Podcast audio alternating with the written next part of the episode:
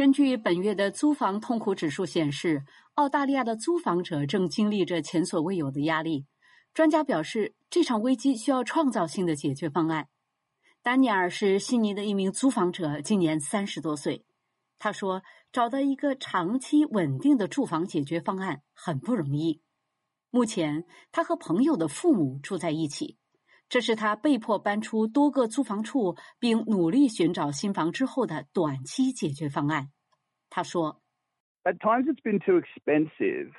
呃，but other other things as well。有时候是因为太贵了，但也有其他的原因。就是像我这样的人，能够负担得起的租房价格非常的低，房子的环境也就近乎贫民窟。我曾经租过一个地方，最后我搬离了。那是一个非常非常小的地方。我最后离开是因为水槽从墙上掉下来了。他很感激朋友的父母能给他提供一个住处。但他说，租房困难是一个广泛的问题。他说，previous generations were able to have 上几代人在这个时候已经有了自己的家和家庭成员。我已经比我父母 生我和我妹妹时年龄大了许多。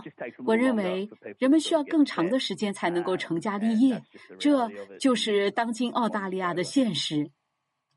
数据也证明了他说的这一点。根据一月份的租房痛苦指数显示，澳大利亚人经历着前所未有的租房压力。这个指数呢，是由肯特拉德纳创立的房产研究机构 Suburb Trends 所编制的。他说，这个指数考虑了四个因素，即可用性、可负担性、空置率和价格趋势，得出满分一百分。超过了七十五分就被认为是租金压力严重。拉德纳说，今年一月份，澳大利亚有十二个郊区的打分是一百分。他说：“We really would prefer.” Households to be spending less than twenty five percent。我们确实希望家庭的房租支出占家庭收入的比例低于百分之二十五，但是我们发现越来越多的入围郊区的房租支出占家庭收入的比例达到或者是超过了百分之三十。我们名单上最糟糕的是昆士兰州的杜拉克，在过去十二个月里，那儿的租金上涨了百分之十五，租金占到了家庭收入的百分之。四十，空置率呢则降到了零点一九，没有空房，完全没有空房。他们的打分是一百分，但是还有好几个郊区的打分都是一百分。除了杜拉克之外，受影响最严重的还有同样位于昆士兰州的洛根中心区，以及新南威尔士州的瓦里拉和圣苏西。在整个澳大利亚，几乎有一半的郊区都因租金压力而被归类为极度痛苦。但昆士兰州和南澳大利亚州的整体压力水平最高，两个州都有百分之五十八的郊区打分超过了七十五分。哈里·米尔沃德是租房者及住房联盟的秘书长，他说：“极度的租房压力是该组织每天都要面对的问题。”一些人将高达百分之八十的收入用于支付房租。米尔沃德说：“受影响最严重的是学生、领取福利金的人以及从事临时工或不稳定工作的人。”他说：“The poorest people, the people most in need, uh, living in houses that are falling 最贫穷的人，最需要获得帮助的人，他们往往住在破败的房子里，住在贫民窟里。”因为他们承担不起为自己的权利挺身而出的风险，他希望看到澳大利亚各地的租赁法得到简化，为租房者提供更好的保护，并立即采取措施，例如规定两年的租金上限。他说：“I don't believe that the federal or state governments are taking this seriously enough.” 我认为联邦政府或州政府对此不够重视。在过去的三十年、四十年甚至五十年里，我们对公共住房系统进行了大刀阔斧的改革。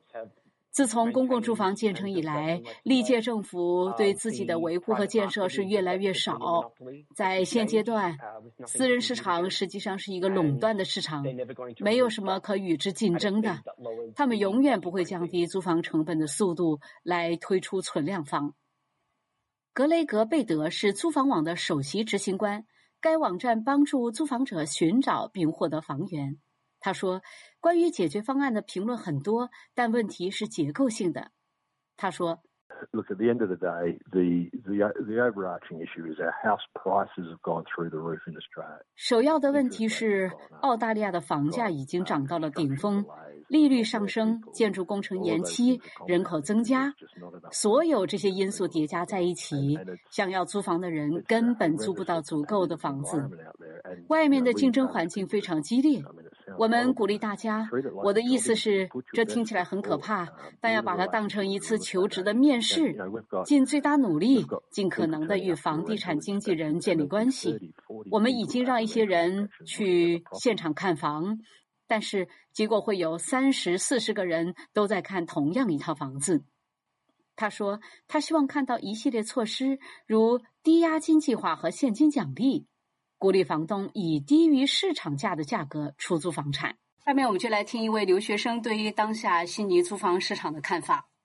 嗯，大家好，我是 Tim，我是一名来自新南威尔士大学的留学生。我今天想吐槽一下这个悉尼租房市场的疯狂。我记得之前和我打狼人杀的有一个姓周的同学，他的那个房子到期了，但是他。